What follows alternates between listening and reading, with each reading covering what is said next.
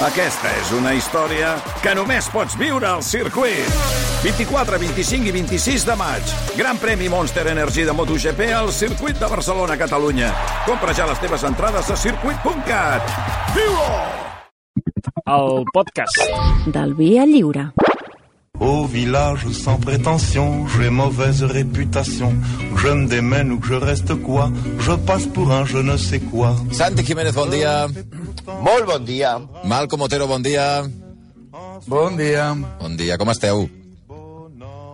Bé, jo, jo abans de res, Xavi, Què? jo com a les trucades aquestes que fas a les companyies grans, vull Qui? donar a la ràdio... Jo? eh, jo, no, jo, jo. Jo vull donar el meu consentiment Sí. perquè la ràdio, perquè la Cris que sigui li doni la meva adreça a Casa A unes croquetes. Va, no tot- Ara que ja embotits... Ja, és que m'ha oblidat embotits Bundó i prometo menjar-me-les en directe, totes. No, no cal. Totes. No cal que mandonguilles, no, també, eh? No, que l'últim cop que vas menjar coses en directe, eh, mentre estaves fent els execrables, va ser un, un desastre, però, però absolut. Bé, no, sí, sí. Que passa gana el nen. Sí, que passa gana, sí. Passa, passa. Tu no ho enten, tu no, jo, jo sé que tu no ho pots entendre, eh?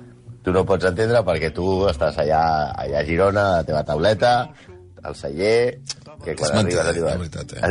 et, diuen ja, ja, ni la- ja, és veritat que no et porten ni la carta, que tu ja directament ja entres, a la cui, entres per la cuina Però, ja perdona, com a, tenen carta com a uno de los o, o és allò un menú que tancat ja? No, tu, Mira tu que vas- no havia estat mai. No he estat mai. Ah, Però que els, no havia els, estat mai. els restaurants grans eh, estrelles Michelin normalment no sé si hi ha carta com a tal, eh? Bueno, segur que sí, De segur fet, que hi ha. segur que estàs a l'estudi, no? No estàs fent el programa des de. Girona. De veritat, eh? Bueno. De veritat, eh? Bueno, va, va, vinga, va, anem, anem, anem, anem pel nostre home d'avui. Home, home, home, home, avui. Què? Oh, clar, evident, evidentment. Clar, aquest tio, si quan, quan dèiem allò del concepte de que hi havia algú escalfant a la banda, Sí, sí. aquest escalfava la banda del pati de la presó, però escalfava.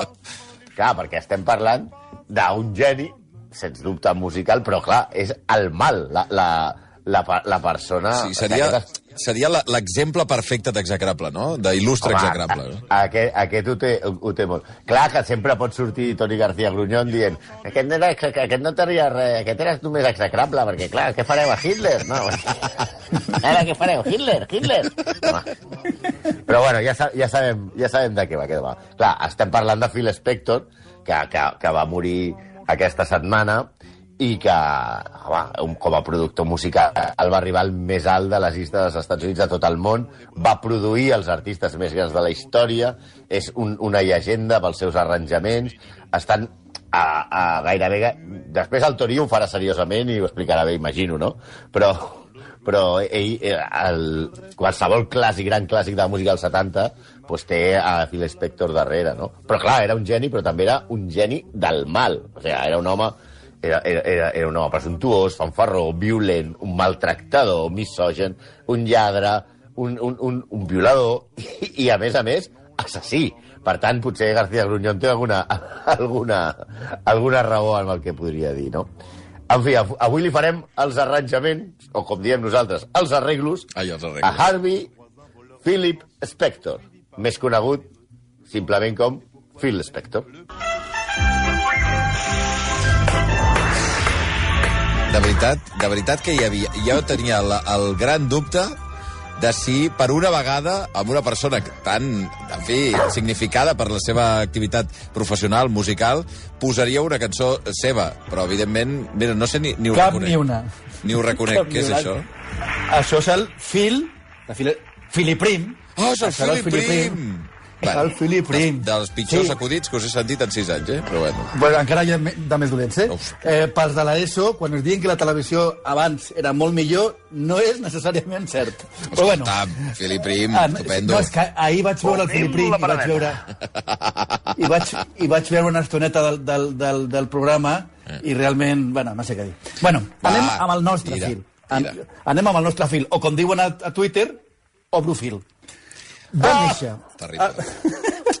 va néixer al Bronx Acu acudit, perdona, acudit, acudit, suggerit per algú que mana en aquesta casa, eh? Ja hi som. Sí. Bueno, no vull ni saber-ho, és igual. Va- va- va néixer- Té despatx. Sí, sí, doncs ja sabem qui és, és igual. bueno, Phil, el d'Europhil, va néixer al Bronx amb una família jueva d'origen ucraïnès. El seu avi patern, a l'aconseguir la nacionalitat, al anglitzar el seu nom, es va posar George Spector. El seu avi matern, que ho havia fet tres anys després, es va posar George Spector. És a dir, tots els seus avis es deien George Spector. Anem a casa de l'avi George. Quin avi George? Cal dir, cal dir que hi ha una teoria, que llançada pel propi Phil, de que els pares de Phil eren cosins carnals. Hosti. Això explicaria moltes coses, eh? No. Però, Oh, en qualsevol cas... los borbones. Va, En va, qualsevol va, cas, la, la, la infància de Phil no va ser fàcil. El seu pare es va suïcidar quan tenia 10 anys. El pare, eh, no el fill. En el seu epitafi deia Ben Spector, pare, marit. Conèixer-lo era, era estimar-lo. To know him was to love him, que després va ser el títol d'una cançó que va escriure i que va arribar a les llistes de vendes dels Estats Units. Ja posar l'epitafi del teu pare amb una cançó és de raret, eh? Ja comencem malament. Sí.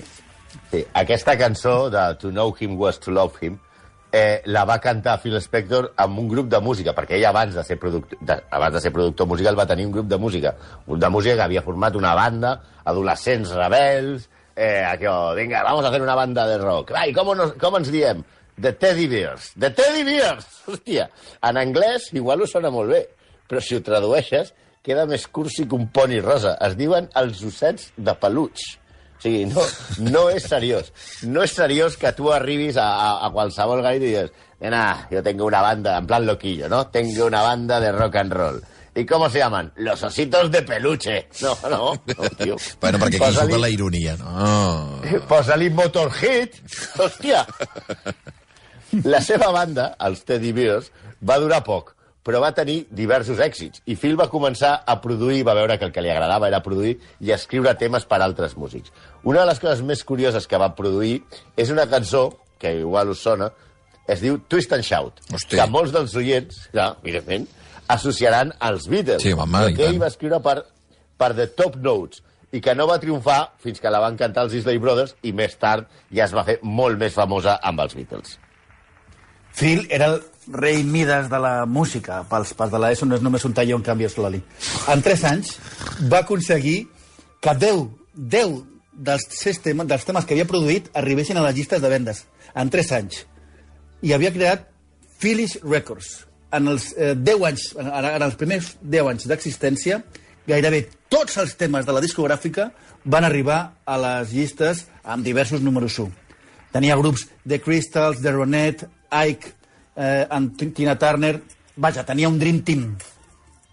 Sí, però a mesura que creixia la seva fama i la seva butxaca, també creixia exponencialment el seu ego. Fins i tot el que no ho feia ell, també deia que ho feia ell si, si triomfava. Per exemple, la cançó dels Righteous Brothers, la Unchained Melody, aquella de la pel·lícula Escarosa, aquell agost que carden mentre estan fent argila, era, era un cover que anava a la cara B del single. El single, la, la cançó principal es deia Hank on You. I segons sembla, aquesta segona cançó no la va produir Phil Spector, sinó que la va fer Bill Medley, un dels dos components del grup, que també té gràcia que siguis cantant, et dediquis a la música i et diguis Medley. A les ràdios no els va agradar el single, la cara A, però sí que els hi van cantar la cara B. I van, posar, uh, van començar a posar l'Unchained Melody sí. a tota hora. Sí, sí. Phil, veient que Encara no avui posaven dia, la seva eh? A vegades la posen a... No, no, tot clar. el dia. Eh? Ah, és temazo, temazo absolut, sí, sí. I, Per i clar, perfecte. imagina't, Noi, Phil Spector... Phil, sí, clar, és, una, és, és d'aquestes de... de, de, Va. de, de... Sí, ja s'ha entès, ja s'ha Va. entès. Vale. Phil es passava tot el dia, quan sentia la cançó, trucant a les ràdios perquè no posessin aquest tema. O sigui, ell eh, trucava amenaçant amb molta mala hòstia, perquè ja veurem que el nostre home no tenia precisament un bon caràcter, dient que no, que la que heu de posar és la cara A, no la cara B. Però clar, la cançó va ser imparable. Aquesta cançó va ser un èxit, ho va patar. I llavors, què va, ser, què va fer el nostre amic Phil Spector? Posar en els crèdits que ell l'havia produïda. Oh, oh, oh. El pobre Medley, que es va quedar només per fer medleys, portava mitja vida reclamant aquest crèdit quan va arribar la pel·lícula que va ser un èxit. I, no, i, i tothom, quan, a, quan va sortir lo d'agost, van començar a entrevistar a, a, a, Phil, a Phil Spector per un treball que no havia fet mai. gran, que I gran. no va ser l'única vegada. Ell sabia, tenia un instint brutal per saber on eren els diners i exigia figurar com a coautor fins i tot en temes en els que ell no va participar. Eh? És el Tarzan. Clar, i tu preguntaràs, què té a veure Tarzan amb Phil Spector? Home, res. Aviam, Jo... hem dit que no la posarem ni una cançó de Phil Spector, però sí de Phil, i en aquest cas de Phil Collins. Va, va, va. Bueno, no parlarem de la, I en de la castellà, seva crea... eh? I en castellà, Home, perquè eh, és mi, passa? Mi corazón, mi corazón. Tu també et queixes de, del doblatge del Sasso? No, jo dic res. Jo dic res. No, no parlarem de la seva creació més important, que és el mur de so, perquè no entenem bé què és, això li preguntes a l'Àlex Torio i segur t'explica. No us hi fiqueu, d'acord, d'acord. Em sembla bé, em Ja. sembla correcte. Aquí no Ja fotrem.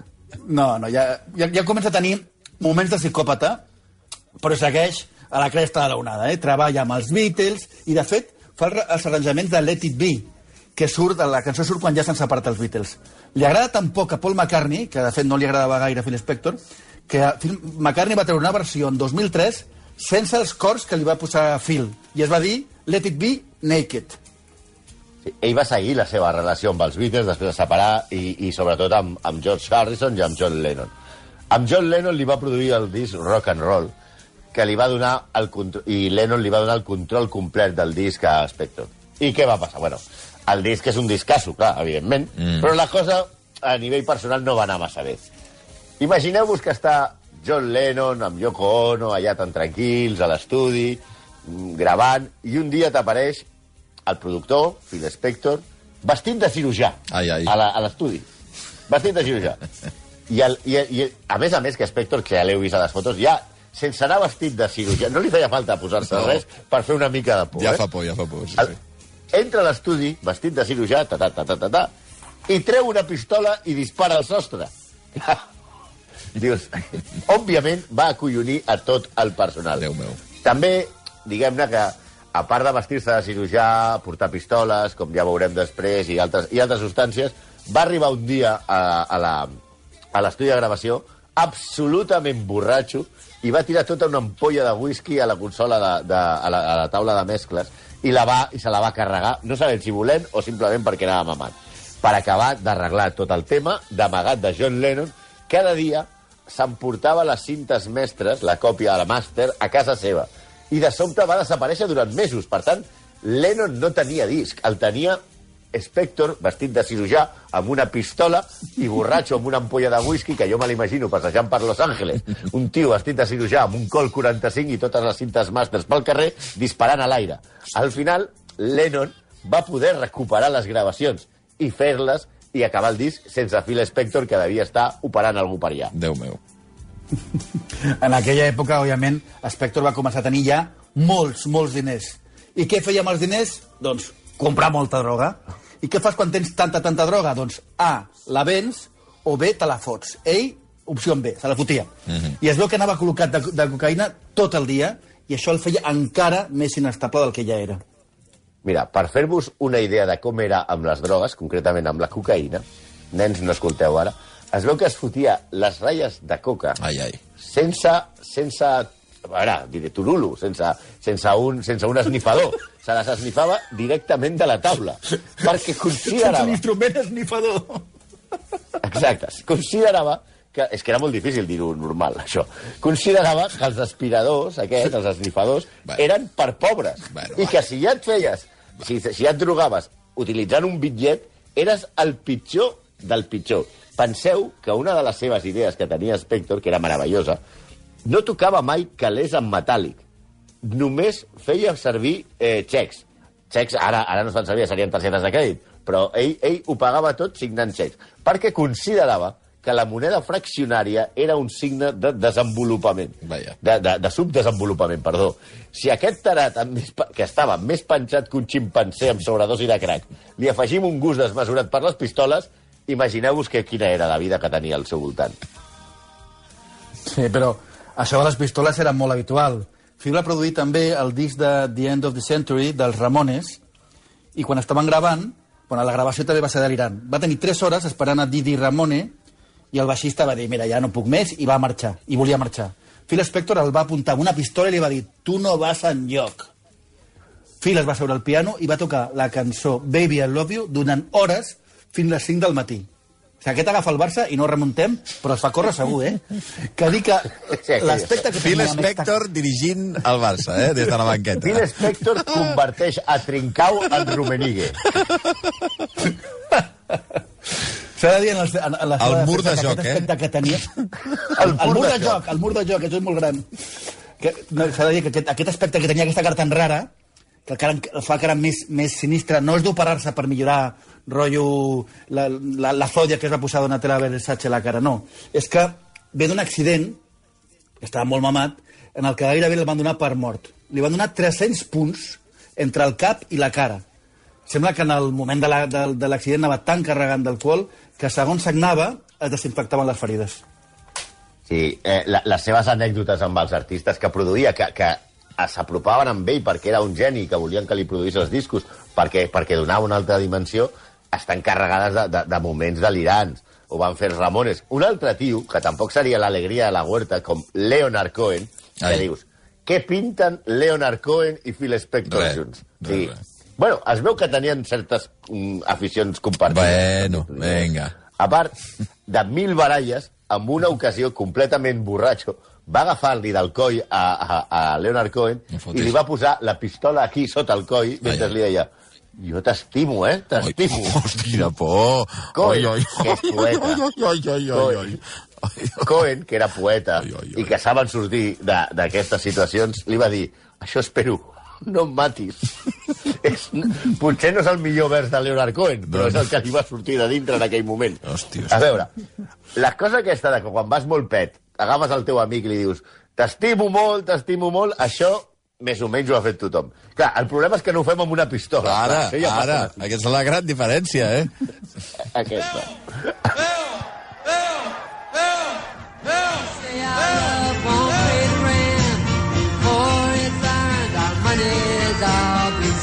Love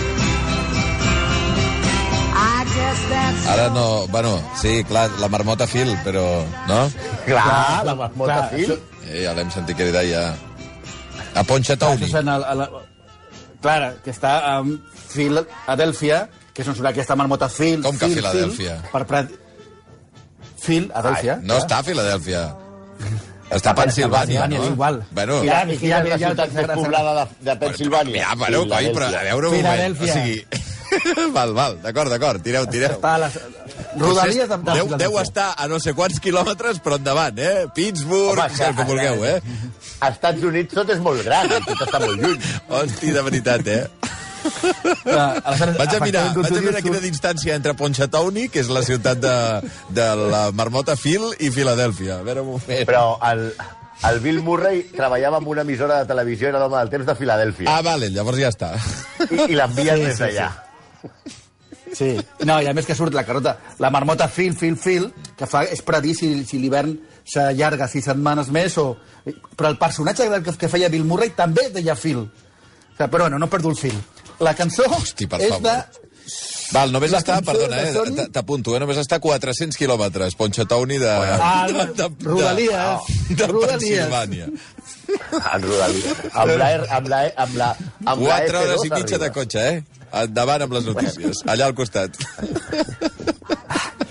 Ai, Això per, per, per, per, per Pensilvània és al, al costat. Bueno, la cançó, aquesta cançó que s'ha dit després, és de Sony i, i Cher, i és de la, de, de la pel·lícula Atrapat en el temps, Sí, home. que és la cançó aquesta que sona a la ràdio cada matí Sí. i que es repeteix cada dia a les 6 del matí.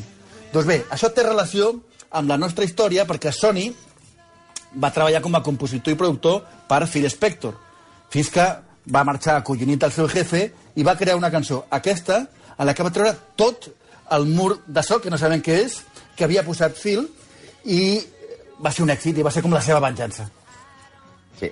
Doncs Phil, el nostre execrable, com la marmota Phil, també repetia moltes coses, com tractar la gent com a merda. És això, que és el, el tret preferencial del seu caràcter, quan tu li deies què tal, Phil Spector? Tracta la gent com a la merda. Són molts els testimonis de gent que van treballar amb ell, com Sony, de Sony Cher, que, i que parlen d'explotació absolutament als, als seus col·laboradors. Jornades llarguíssimes, amenaces, crits, cops, eh, i també li agradava tocar molt la pera, polemitzar. Quan, quan Ike Turner, el marit de, exmarit de Tina Turner, va morir, ell el, des del públic va parlar, va pujar a parlar, i es va dedicar a criticar a Tina Turner per explicar que el- el- els maltractaments de, de, de, de Ike Turner que pagava Tina Turner quan la va conèixer, això en, el, en, en, aquest, en, en aquest escenari, no? Hi havia cinc noies que podien... I a més va dir, hi han cinc dones que havien, podet, havien pogut estar Tina Turner. Cinc Tina Turners, que sí, com dient, el teu marit t'enganyava amb cinc ties i tu vas, et va tocar de miracle. Era, era aquest Phil Spector. Sí, això també eh, va passar amb els Ramones. Spector també va torturar eh, eh, amb, una, amb, una, amb una sessió de gravació inacabable. Per la, per la gravació de River Deep, Mountain High la va tenir 24 hores. Per controlar Tina Turner, sense que estigués el seu marit, Ike, Spector va incloure una clàusula al contracte perquè el tal de que el seu marit no entrés a l'estudi. Va contractar 21 músic, músics i 20 persones al, al cor per reproduir aquest famós mur de so, que encara no sabem què collons és.